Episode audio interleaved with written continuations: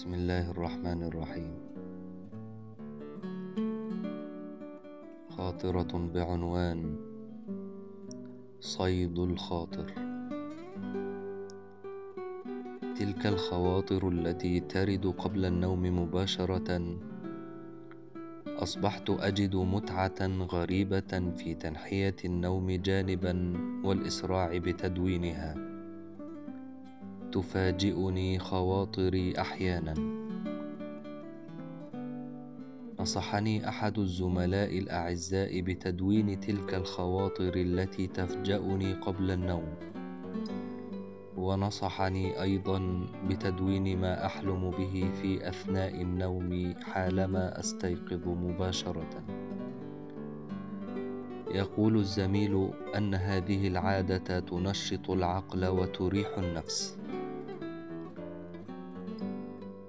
مع الوقت يصبح صيد الخاطر وتدوينه عادة محببة إلى القلب. فأنت تترك كل ما تفعله من أجل أن تدون خاطرا مر برأسك. فمن واقع التجارب والحياة أن الخاطر إذا طار فإنه لا يعود ابدا. قد لا يعود ابدا وإن عاد فإنه قد يتأخر كثيرا. أحمد الله تعالى على نعمة التدوين الكترونيا. فهاتف محمول يوفر عليك كثيرا من عناء البحث عن قلم أو تشغيل المصباح الكهربائي ليلا لترى ما تدونه. نعم الهاتف المحمول يوفر عليك كثيرا. من عناء البحث عن قلم أو تشغيل مصباح كهربائي لترى ما سوف تدون. فقط أمسك هاتفك المحمول وابدأ التدوين. كنت أتعجب كثيرا من إحدى الزميلات في الكلية تحمل دائما مفكرة صغيرة لا تكاد تفارقها. تخرجها بين حين وحين لتدون فيها بعض الكلمات. كنت أتعجب وقد ظننت أن أعراض الزهايمر بدأت في زيارتها وهي في ريعان شبابها. كنت معذورا فأنا لا أدري عن هذه العادة الإيجابية شيئا. بل قل عن هذه النعمة شيئا. نعم إنها نعمة عظيمة. نعمة صيد الخاطر.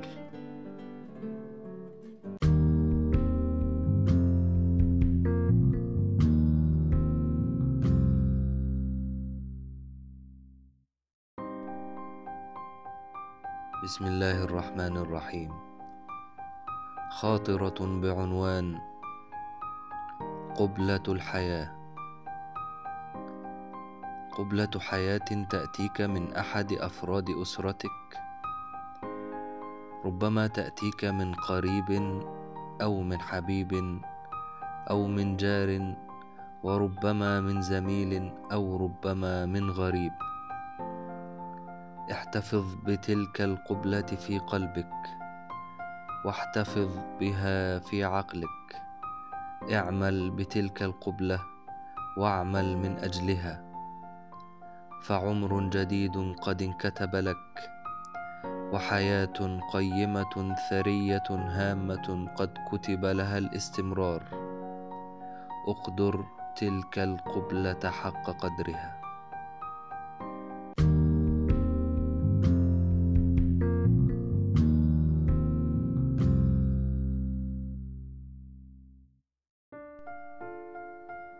بسم الله الرحمن الرحيم.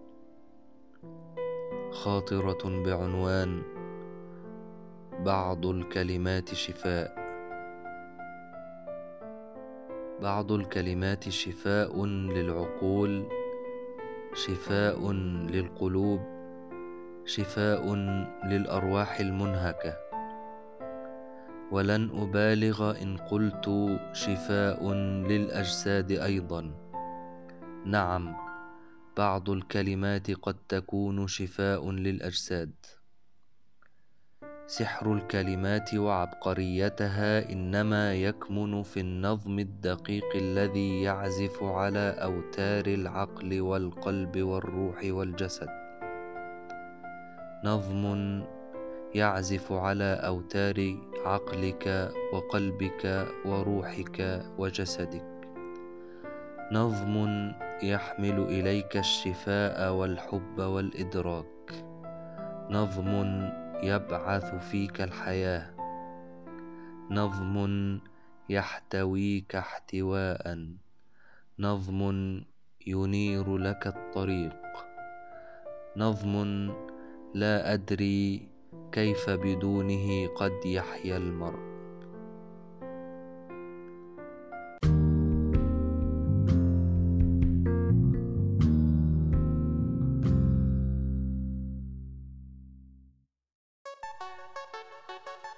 بسم الله الرحمن الرحيم. نص بعنوان شخص عادي.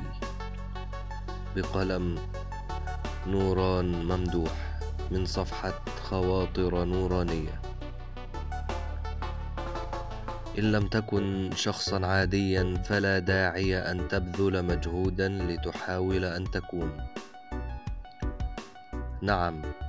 فالعالم مليء بالأشخاص العاديين الذين يعيشون وفقا لما جرت عليه الأعراف دون أن يجدوا أي حرج في هذا. ولذا فإن العالم ليس بحاجة للمزيد منهم. أعلم جيدا كيف تشعر. قاتلة تلك الوحدة التي تشعر بها حتى بين أقرب المقربين إليك.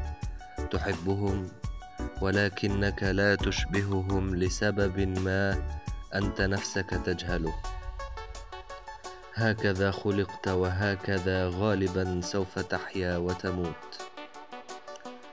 تبحث عن تفصيلة تشبهك في هذا أو ذاك. تنبهر إن وجدتها ولكن ما إن تقترب أكثر حتى سرعان ما تكتشف أنه لا يزيد عن كونه شخص عادي كمئات الآخرين ربما كنت أنت أيضا شخص عادي ولكنك تجهل ذلك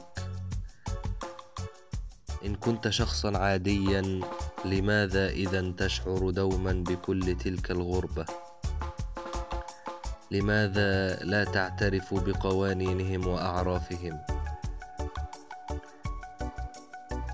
لماذا تشعر دوما أنك تجهل وحدات قياسهم ومعاييرهم؟ أعلم ذلك الشعور جيدا. دعني أقربه لك. إنه أن تشعر أنك تتكلم العربية وسط أناس لا يفهمونها. أو أن تستيقظ لتجد نفسك في أحد أزقة باريس وأنت لا تعي حرفين من الفرنسية. أن تكون طيرا وسط سرب من طيور تشبهك في أشكالها. فأنت تملك جناحين كأجنحتهم ومنقارا كمناقيرهم. خلقت لتجد نفسك تطير دون أن ترغب حقا في الطيران يوما ما. تحلق في الفضاء كيفما يفعل أقرانك لكنك ابدا لم تفهم لم تحلق. لا تسأل لأنك بسؤالك هذا تهز أعتى معتقداتهم. لا تحاول أن تقنعهم أنك رأيت برؤي عينك أن هناك مخلوقات أخرى تسير على أربع وأخرى تزحف وأخرى تقفز. هم لا يرونها وإن رأوها بادروا بإنكارها لأنها ببساطة قد تفتح عليهم ابوابا من تساؤلات وشكوك لا يقوون على مواجهتها. صدقني إني أعلم شعورك جيدا.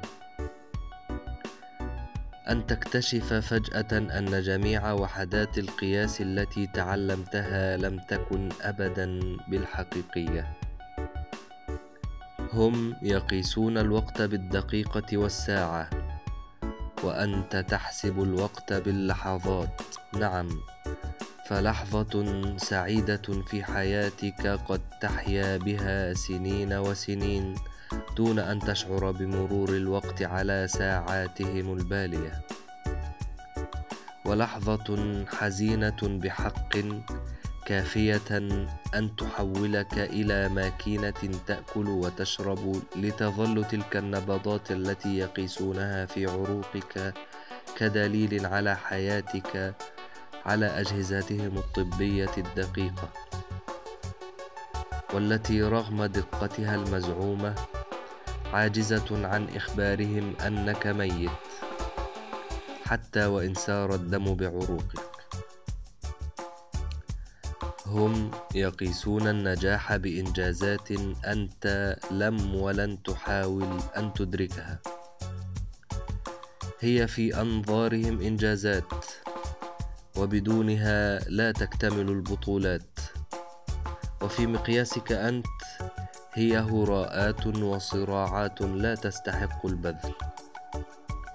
هم يقيسون نجاح الحب بالزواج وأنت ترى الحب معرف بذاته منزه عن أي مقياس. أنت تشعر داخلك بالفخر بأشياء بسيطة حققتها. بمحاولات دائمة أن تطور من نفسك ومن أفكارك أن تترك بصمة ربما لا تتجاوز كونها بسمه في حياة من حولك. ينعتونك بالتفاهة والنقص وأنت ترى في تلك التفاصيل البسيطة سر الحياة. تخبئ نفسك وسط أشياء تجدها أصدق من الناس. تتمنى أن تقلص ذاتك على رف من رفوف مكتبتك أو أن تخبئ روحك بين ضفتي كتاب. وجدت بين صفحاته أنس لم تعهده في مجالسهم.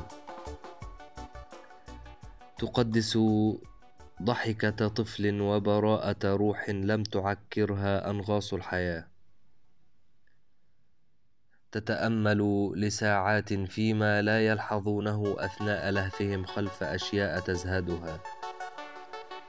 ربما أنت لم تزهدها بحق أدق أن نقول أنك ابدا لم تلحظها. لا تبهرك الحياة بقدر انبهارك بلحظة صدق من شخص استأمنك على سر من أسراره. لا تبهرك الحياة بقدر ما تبهرك لمعة عين من شخص يتكلم عن محبوبه أو عن شيء يهواه.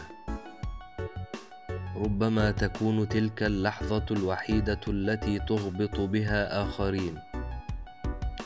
تتمنى لو تكلم عنك شخص ببريق في عينيه. بشغف يظهر عند نطق حروف اسمك.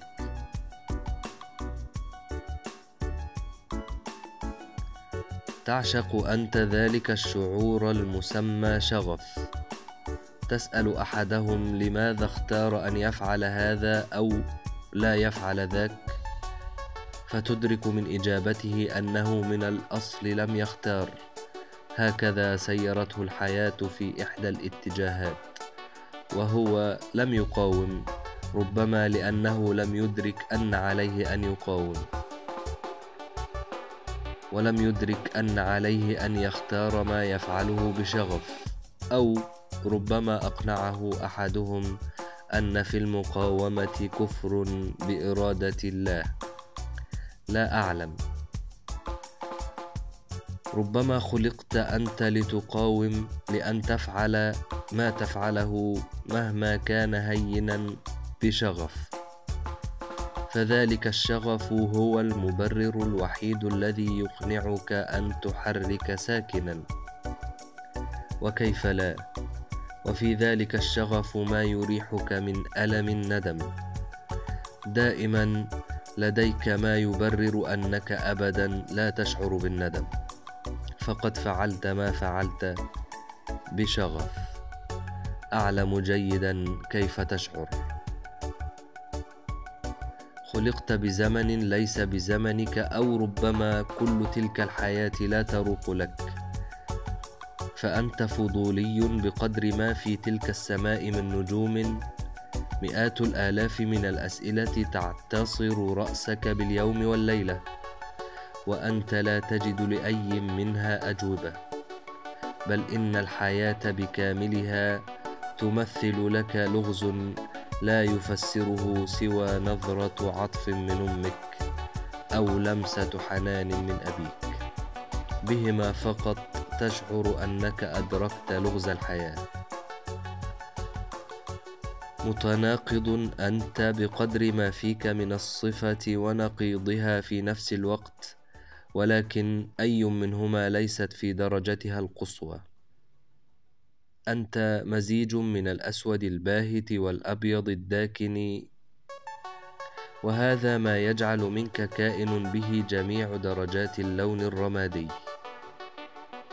وبقدر وسطية شخصيتك بقدر تطرف مشاعرك التي لا تعرف سوى الحب أو اللا حب غريب أنت وربما وددت أن تكون شخصا عاديا. أكاد أجزم أنك حاولت وفشلت. ربما تحاول أن تبرر فشلك بأن تقنع نفسك أنك لم تخلق لحياة عادية لشخص عادي. ربما أنت هكذا بالفعل. على كل ازدد غرابة ففي غرابة الأشياء تكمن متعتها. وفي نهاية الرحلة تدرك قيمة ما فعلت في هذه الرحلة.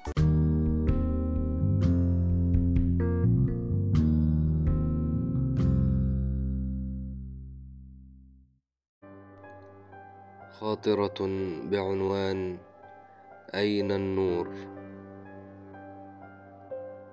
أين النور؟ لماذا لا يزور النور هذا الكوكب المظلم؟ كانت العجرفة تقتله وكانت المادية تقتله وكان الخداع يقتله. كان يموت كل يوم آلاف المرات حين يسترسل مفكرا فيما وصل إليه حال ذلك العالم. وهذا الزمان الذي يعيش فيه. أي معجزة تلك التي تقتل العجرفة التي تسود العالم؟ أي معجزة تلك التي تعلن ميلاد نور يبدد ظلمات المادية الطاغية؟ إلى متى؟ إلى متى يكون الخداع هو سيد العلاقات بين بني جنسه؟ كان لا يستطيع العيش وكان لا يستطيع أن يتنفس كانت أفكاره تقتله. ولم يكن هناك أي بادرة لخلاص.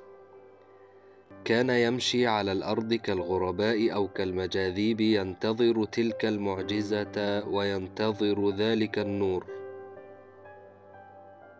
الآن فقط يستطيع أن يتنفس الصعداء الآن فقط وقد أذعن الجميع لقوة السماء. نعم قد أذعن الجميع لقوة السماء حتى وإن عاد الوضع كما كان. الآن فقط وقد بدد نور هذه البينة ظلمات لم يكن يحلم يوما ما أنها تتبدد. الآن وقد أصبحت الحقيقة جلية لمن يعقل ولمن لا يعقل. الآن يذهب كل ذلك إلى سلة مهملات أفكاره. الآن يستطيع أن يعيش من جديد.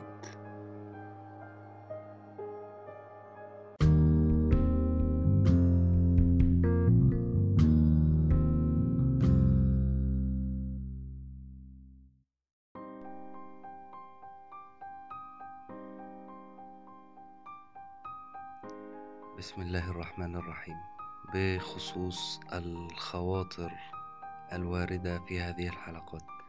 كنت آه، أسرد الخواطر سردا ولا أذكر قبل أن أسرد هذه الخاطرة. لماذا كتبتها من الأصل؟ أو ما هي الفكرة التي كانت تدور برأسي؟ آه، وأصبحت مؤخرا وأصبحت مؤخرا أذكر لماذا كتبت هذه الخواطر؟ وما الذي كان يدور في رأسي؟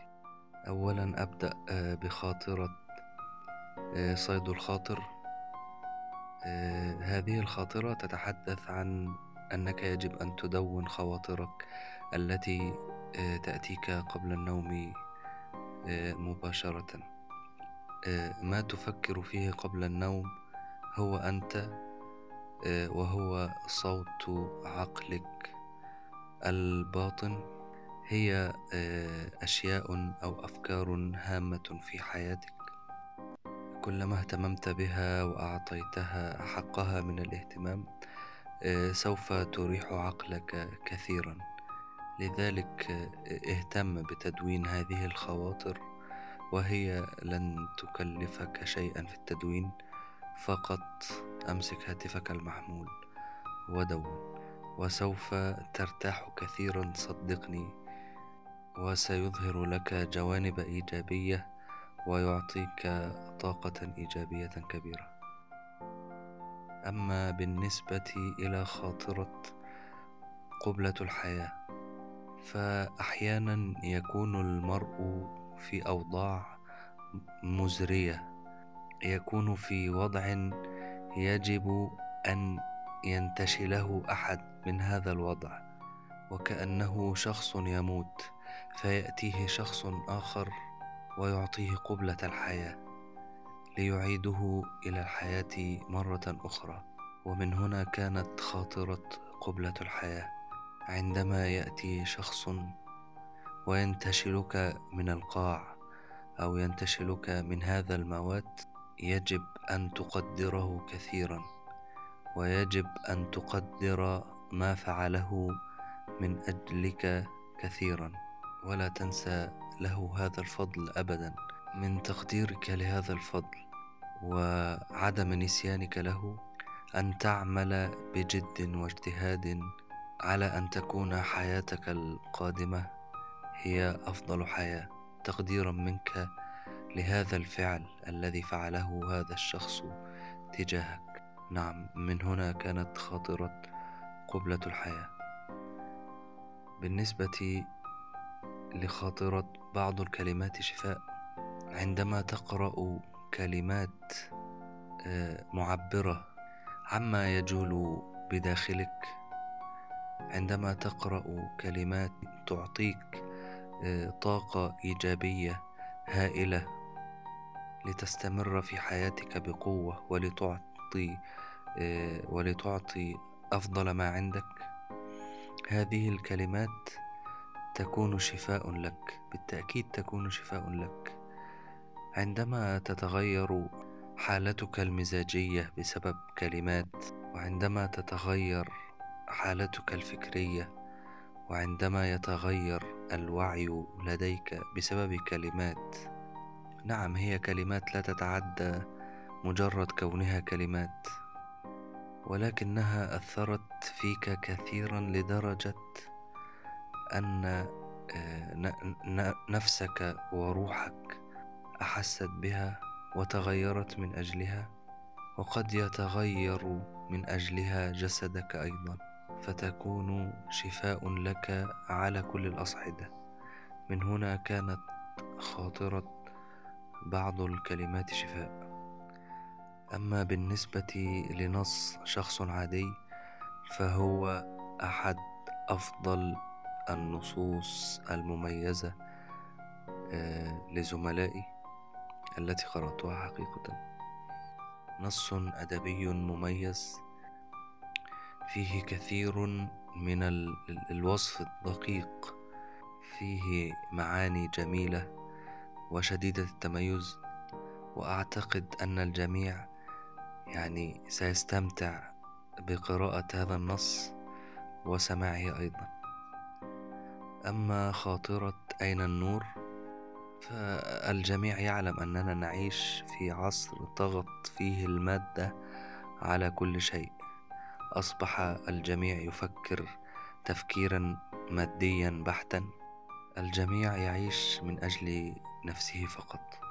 والجميع لا أدري هل هو ينسى بكامل إرادته أم يتناسى أم ماذا. هذا ما قصدته بالظلام أو الظلمات المادية.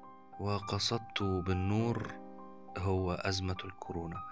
فالجميع فعلا قد أذعن لقدرة الله وأذعن لقدرة السماء. آه، وكل الأفعال التي ستحدث بعد هذه الأزمة آه، ستكون على بصيرة وستكون على بينة وستظهر حقيقة كثير من الناس أو ستظهر حقيقة كل الناس لأن الكل كان واقع تحت تأثير هذه البينة.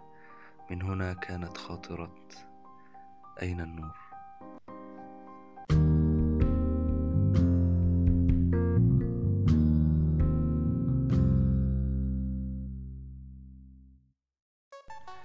بسم الله الرحمن الرحيم.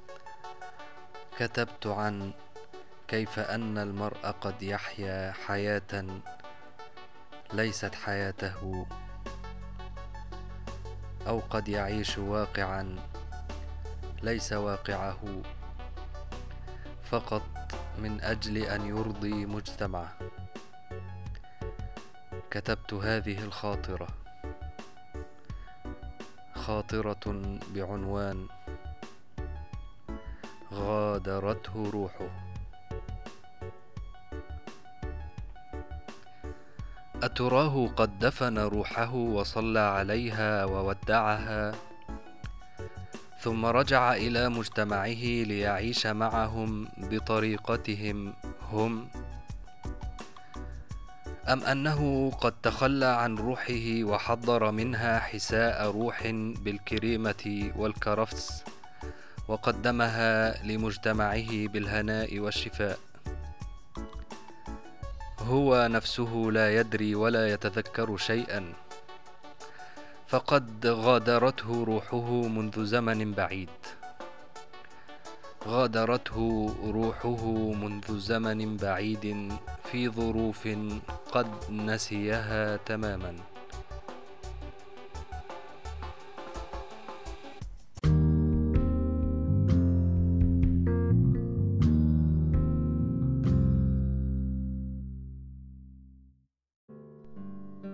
بسم الله الرحمن الرحيم ماذا تفعل يا صديقي إن أنت قد داهمتك الحياة؟ ماذا تفعل يا صديقي؟ إن أنت قد عصفت بك الحياة. كتبت هذه الخاطرة خاطرة بعنوان هكذا يعود. صور ذكريات بريئة لم تدنسها شرور الحياة. لحظات مميزة لا تمحى من ذاكرته كانت مع مقربين إلى قلبه. مكان له سحر وبريق وعبق شديد التميز. أو وحي قلم قرأه فترك أكبر الأثر في قلبه وفكره وعقله. يطالع الصور مرة أخرى يحيي الذكريات مرة أخرى. يزور نفس الأماكن مرة أخرى ويعيد القراءة مرة أخرى. هكذا يعود. هكذا يعود للحياة كلما عصفت به الأمواج.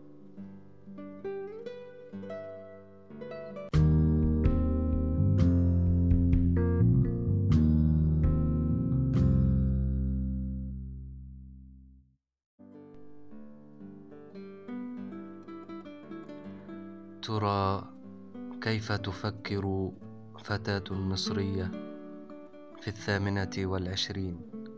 وما الذي يدور في رأسها؟ كتبت نوران ممدوح هذا النص أنقله لكم من صفحة خواطر نورانية بتصرف بسيط في الثامنة والعشرين. أكتب هذا وأنا أشك في مهارة اللغوية وقدرتها على توصيف ما يجترف داخلي. من أفكار متداخلة أحاول فك تشابكها فوق هذه السطور. عزيزي لا تنتظر أن تقرأ عملا فنيا بديعا. ينبغي علي التنويه المسبق أنك بصدد قراءة مجموعة من الخواطر المتناثرة. وبعض الدروس المكتسبة والتي لم تكن أبدا سهلة. كعادتها تختار الحياة أصعب الطرق لتلقيننا الدروس كي لا ننسى ولا نتناسى. لم أكن يوما من مؤيدي مشاركة التجارب الشخصية أقدر الخصوصية وأقدسها. كما أنني أكره التعميم وأرى لكل تجربة ظروفها المتفردة. ولكنني قررت مشاركة ما تعلمته لعلي أن أفيد به غيري. في البداية دعني أوضح ما أعنيه بكلمة شخصية. هي أي تجربة تعرض لها شخصي إما بالممارسة الفعلية أو عن طريق التأمل، فتجارب أصدقائي المقربين هي تجارب شخصية بالنسبة لي، كذلك بالطبع تجارب والدي، وكل من في دائرة معارفي الصغيرة. أرفض الفكرة الرائجة أن الإنسان يعيش مرة واحدة فقط. أعيش أنا أكثر من حياة منذ أن اكتسبت القليل من مهارة التأمل ليست هبة أو موهبة ما هي إلا عادة عادة كسائر العادات تكتسب بالتمرين التأمل يكسبك عمرا يفوق عمرك وحكمة تتجاوز سنك لا أعتقد بالمصادفة بل أؤمن أن وجودي في مكان ما في زمن ما ليتكلم شخص ما هي رسالة من الله شاء توصيلها على لسان ذلك الشخص. أعتقد جدا في تلك الرسائل اليومية التي يرسلها الله إلينا ليعرفنا به وليقربنا إليه. فقط قليلون هم من يتلقون تلك الرسائل. إن ممارسة التأمل ولو لدقائق معدودة يوميا يصل بك إلى درجة غير مسبوقة من معرفة الخالق. أكره الوحدة وأخافها، ولكني أيضا آنس الخلوة وأستمتع برفقة نفسي. لا أدعي التدين، فقط أتحدث عن هذا اليقين الذي يملأ صدري حين أتأمل إعجاز الخالق وحسن تدبيره أشعر أنني أراه رأي العين في جميع مخلوقاته أتجاوز عن نقائص البشر لأنني أعامل الله من خلالهم. أتحدث عن ذلك اليقين الذي يملأني أنني لا أنتمي إلى ذلك العالم الدنيوي. جزء مني لا ينتمي إلى هنا بل انتماؤه لعالم أطهر من عالمنا. هو ذلك الجزء الذي يصبو دائما إلى الارتقاء. ربما هي تلك الروح الربانية التي نفخت فيه. ربما تحترق تلك الروح شوقا للارتقاء إلى حيث أتت. أعتقد أني تأثرت ببعض الكتابات الصوفية التي قرأتها. للأفكار الصوفية عبق خاص طالما راق لي. والآن لا بد أن أعرف نفسي. كنت ممن حق القول عليهم أن ابتلاءهم في عقلهم. حباني الله بقدر من العناد والمكابرة وإن كنت حسن النية أو لين القول فيمكنك القول أني تمتعت بقدر هائل من الصبر وقوة الإرادة. ولكن هي شعرة تلك التي تفصل الصلابة عن المكابرة. لا شك أني تجاوزتها. فأنا طالما رفضت نصح أقرب المقربين. ليس لنقص ثقة بل مبالغة في قدرتي على السيطرة على مقاليد حياتي وتوجيه دفتها إلى الاتجاه الذي أصبو إليه. أدفع ثمن كل هذا الآن. لا أعترف بالفشل والندم أو تلك المسميات التي أراها مجرد مراحل انتقالية. مراحل انتقالية لإعادة ترتيب الأوراق ومراجعة الحسابات واستجماع القوى للمضي قدما في الطريق. فالحياة لا تتوقف في انتظارك. بالكاد قد تمهلك الحياة لحظات لالتقاط أنفاسك ثم تعاود السير للأمام. وهنا عليك الاختيار. إما أن تساير الحياة جنبا إلى جنب وإما أن تركض لاهثا خلفها أو أن تتوقف وتراقبها وهي تبتعد حتى تختفي عن مرمى بصرك تماما. قليلون هم من يملكون السبق في معترك الحياة. أعاني من اليأس والإحباط. أحاربهما بعنف جولات وصولات بيننا. لم تحن الجولة الحاسمة بعد. أعلم أنها ستكون في صالحي. لا يكلف الله نفسا إلا وسعها. ما دمت في جوار الرب اذا سيمنحني ربي القوة اللازمة للاستمرار متغلبة على اليأس والإحباط. أحاول جادة الوقوف على أعتاب الحقيقة. ليس هناك أسهل من إلقاء اللوم على الآخرين وصب جام غضبك بل ولعناتك على العالم أجمع. يتبارى الناس في مواراه عوراتهم وتزيين أنفسهم بما ليس فيهم حتى لا يخيل لهم أنها الحقيقة. عادة يكون هذا هو الخيار الأسهل ودائما يكون هو اختيار الإنسان الأضعف. قليلون هم من يملكون شجاعة تجريد أنفسهم من رداء الكبرياء أمام مرآة الحقيقة. أحاول دائما أن أكون الأشجع. أصبحت أقدر الزمن حق قدره. نعم أقدر الزمن حق قدره لا أستهين ابدا بما الوقت قادر عليه. اعتقدت في فترة ما أني قادرة على إيقاف الزمن بضع سنين. كم كنت ساذجة في هذا. لا يتوقف الزمن طوعا ولا كرها. تمر السنون لتغير ما اعتقدته محال أن يتغير. قرارات الأمس هي آلام الحاضر وهي أخطاء الغد المتراكمة التي أفعل المستحيل لتفاديها.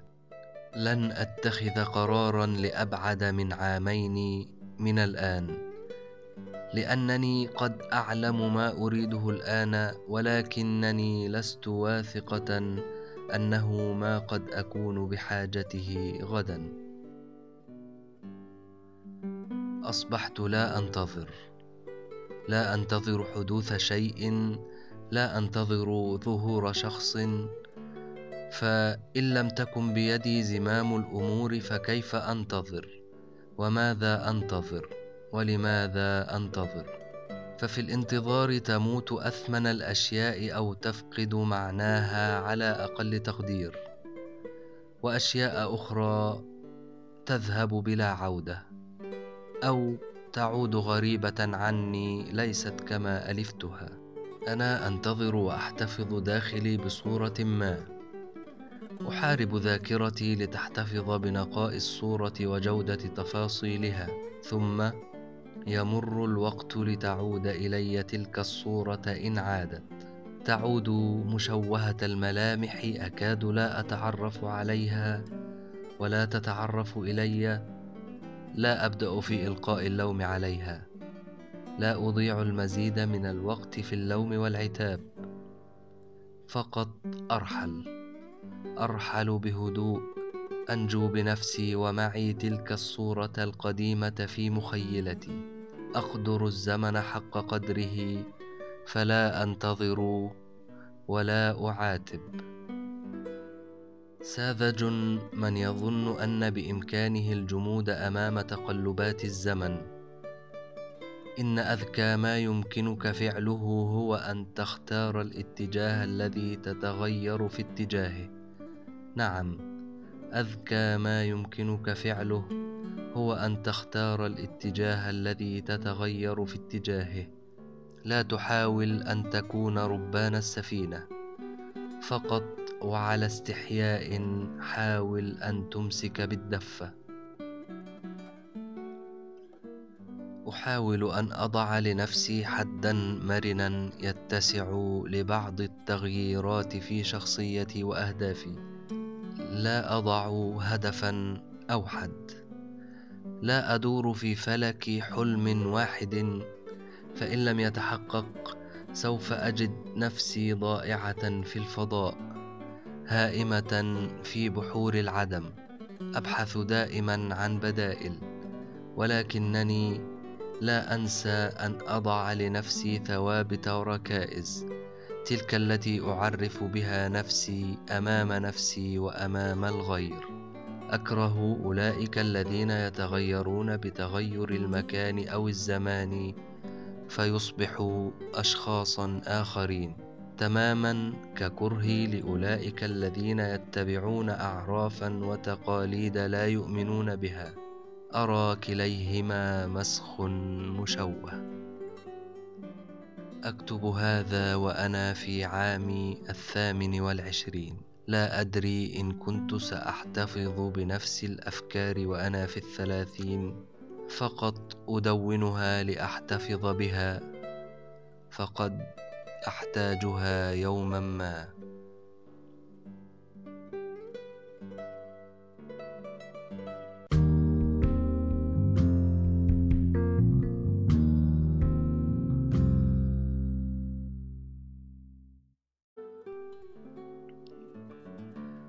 بسم الله الرحمن الرحيم. عن زيارة لي مع أحد أصدقائي المقربين. إلى منطقة مصر القديمة وما دار بيننا من حوار. كتبت في أحضان التاريخ كيف تعيش حياتك بتفاؤل. أحد الأصدقاء الأعزاء كان في زيارة سريعة لمصر من محل إقامته في إحدى دول الخليج العربي.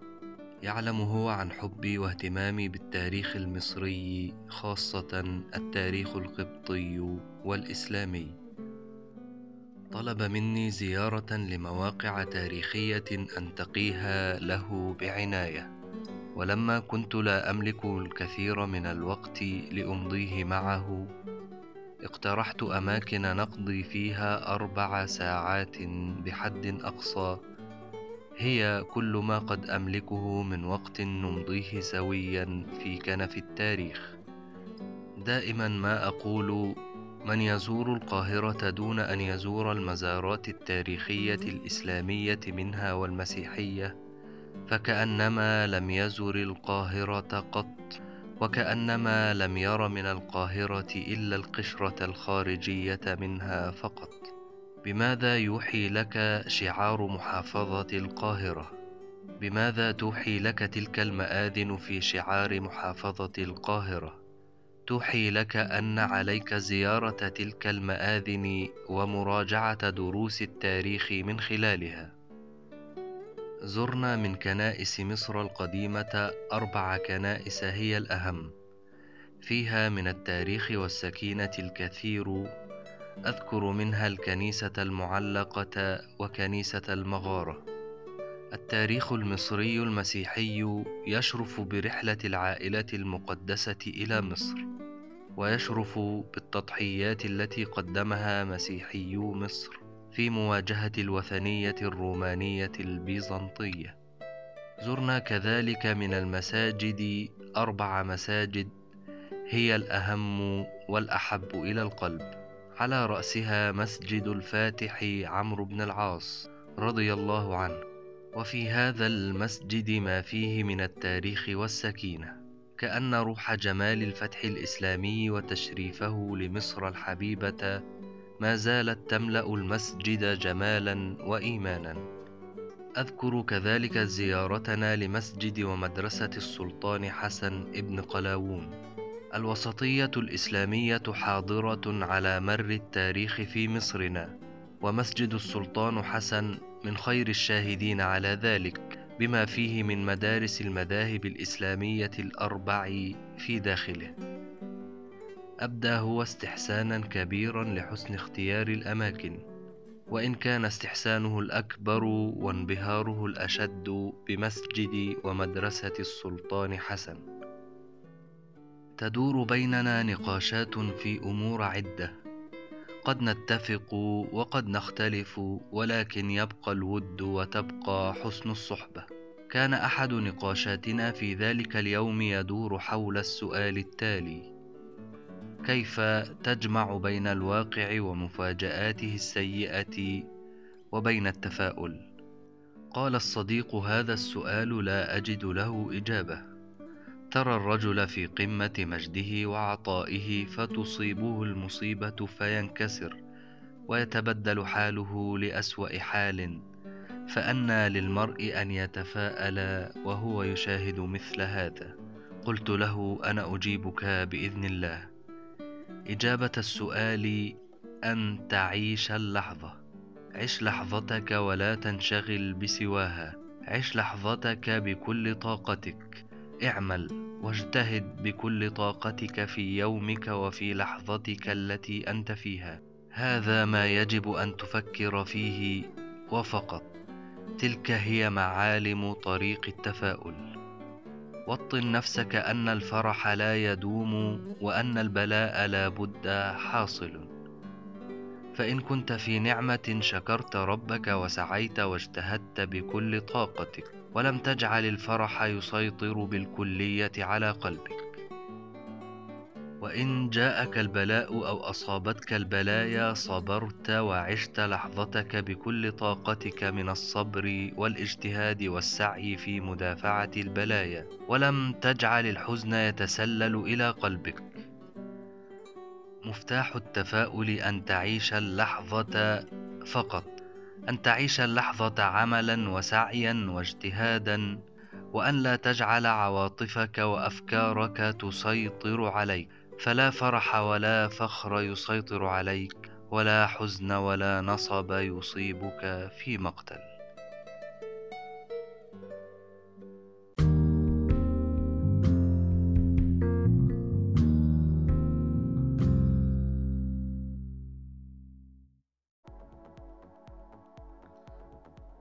بسم الله الرحمن الرحيم. كتبت أصف مرحلة الشباب.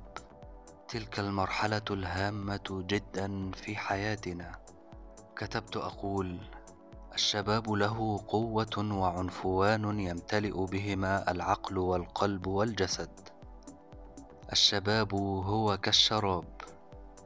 إن امتنعت عنه أو أخذت منه أقل القليل بقيت على حال حسن رائق.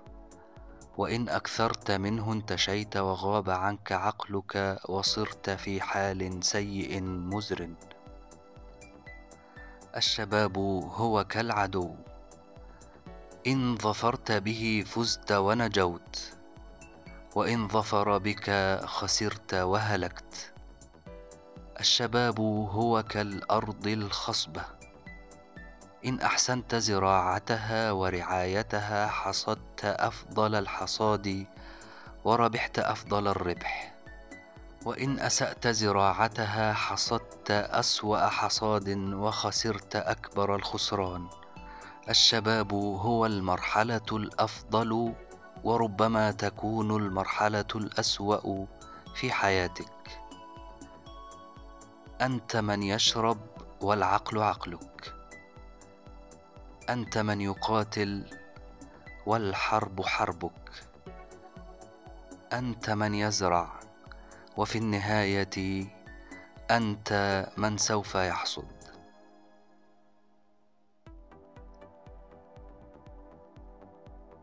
تقبلوا تحياتي وألقاكم في صوتيات قادمة.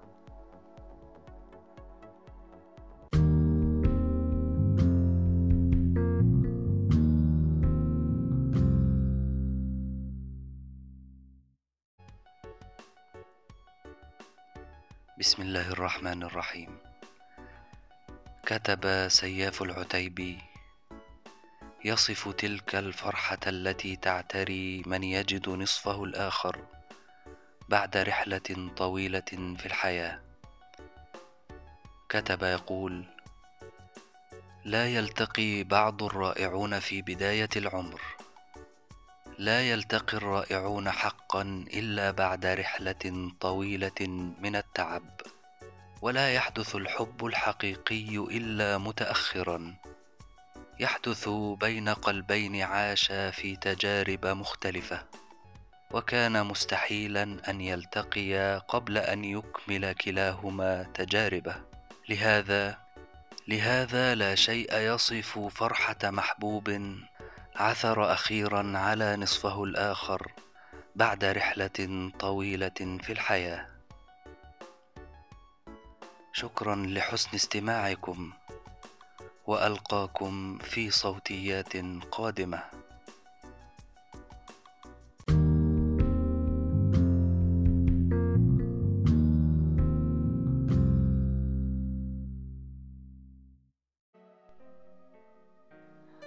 بسم الله الرحمن الرحيم. كتبت أصف الجمال الحقيقي وأصف ضوء الشفق البرتقالي الجميل والذي يملأ قلبك وعقلك بطاقات الجمال والحب. كتبت بعنوان شفق برتقالي. لم يكن للجمال معنى واضحا إلى أن رآها. ترى كم مضى من الوقت ظل أن ترى كم مضى من الوقت ظل يحلم أن يرى مثلها. كانت كل ذرة بداخله تصرخ بأنه قد وجد أخيرا تعريفا للجمال. الجمال الذي اختفى من محيطه. الجمال الذي اختفى في غياهب قلوب مظلمة. وجوه أشكالها قد تبدو حسنة ولكن لا أثر للحياة والجمال فيها. كان لا يطيق النظر لوجوه كساها قطران الكذب والنفاق والخداع والحسد.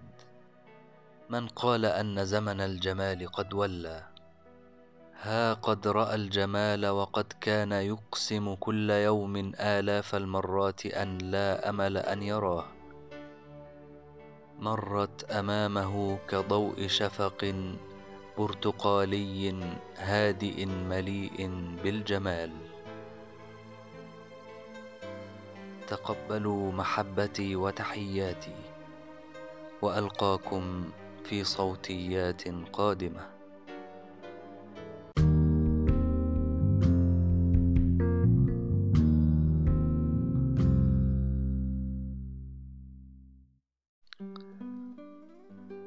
بسم الله الرحمن الرحيم. ترى كيف تكون أحوال البشر حال وقوعهم في الحب؟ كتبت بعنوان امتلاك. قد تمتلك أفضل ما في السوق وقد تمتلك أسوأ ما في السوق. قد تمتلك الشيء لأنه يعوض نقصا فيك وقد تمتلك من دافع الفضول وقد تمتلك ما يضيع وقتك وعقلك وقد تمتلك ما يجعلك قويا وفي أفضل حال وحياة وقد تمتلك حبا في الظهور. وقد تمتلك من أجل الامتلاك والسيطرة وفقط. وعند امتلاكك للشيء فإنك قد تحافظ على ما امتلكته على حالته الأصلية. وقد تجعل ما امتلكته أفضل مما كان حاله عليه قبل أن تمتلكه وتنميه وتطوره. وقد تضيع ما امتلكته وتكسره وتدمره تماما. شئنا أم أبينا فلنعترف يا عزيزي أن الحب هو أحد أنواع الامتلاك. مع ملاحظة أن أول ما يجب أن يحبه الإنسان وأول ما يمتلكه هو حياته ونفسه التي بين جنبيه. ترى كيف هو حالك عندما تمتلك وكيف هو حالك عندما تمتلك؟ تقبلوا تحياتي وألقاكم في صوتيات قادمة.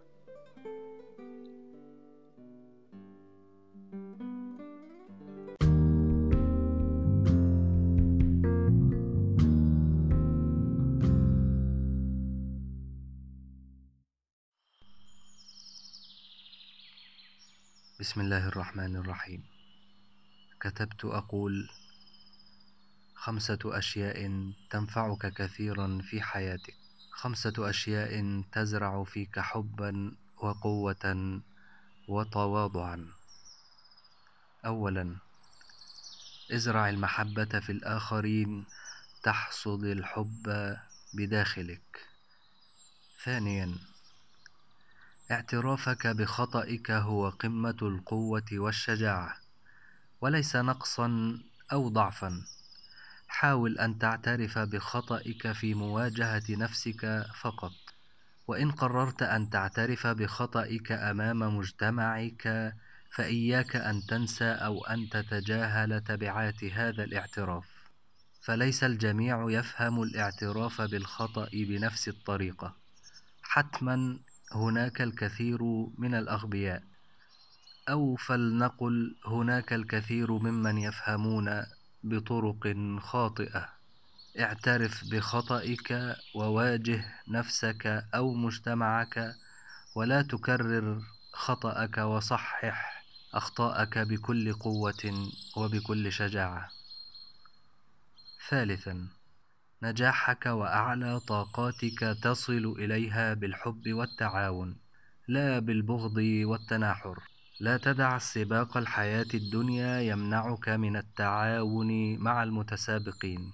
ولا تدع سباق الحياة الدنيا يمنعك من إبداء المحبة لهم. رابعا احرص على صفاء روحك. احرص على تنقية روحك من كل ما يعكر صفوها. صفاء الروح هو قرار من الداخل. يتطلب منك الكثير من العمل في الداخل والخارج. خامسا لا تجعل الماديات وكسب المال هو بوابتك لسد خوائك الداخلي. سيظهر خواء روحك مع كل لحظة فخر تفتخر بها بالمال أو أي شيء مادي أو حتى معنوي.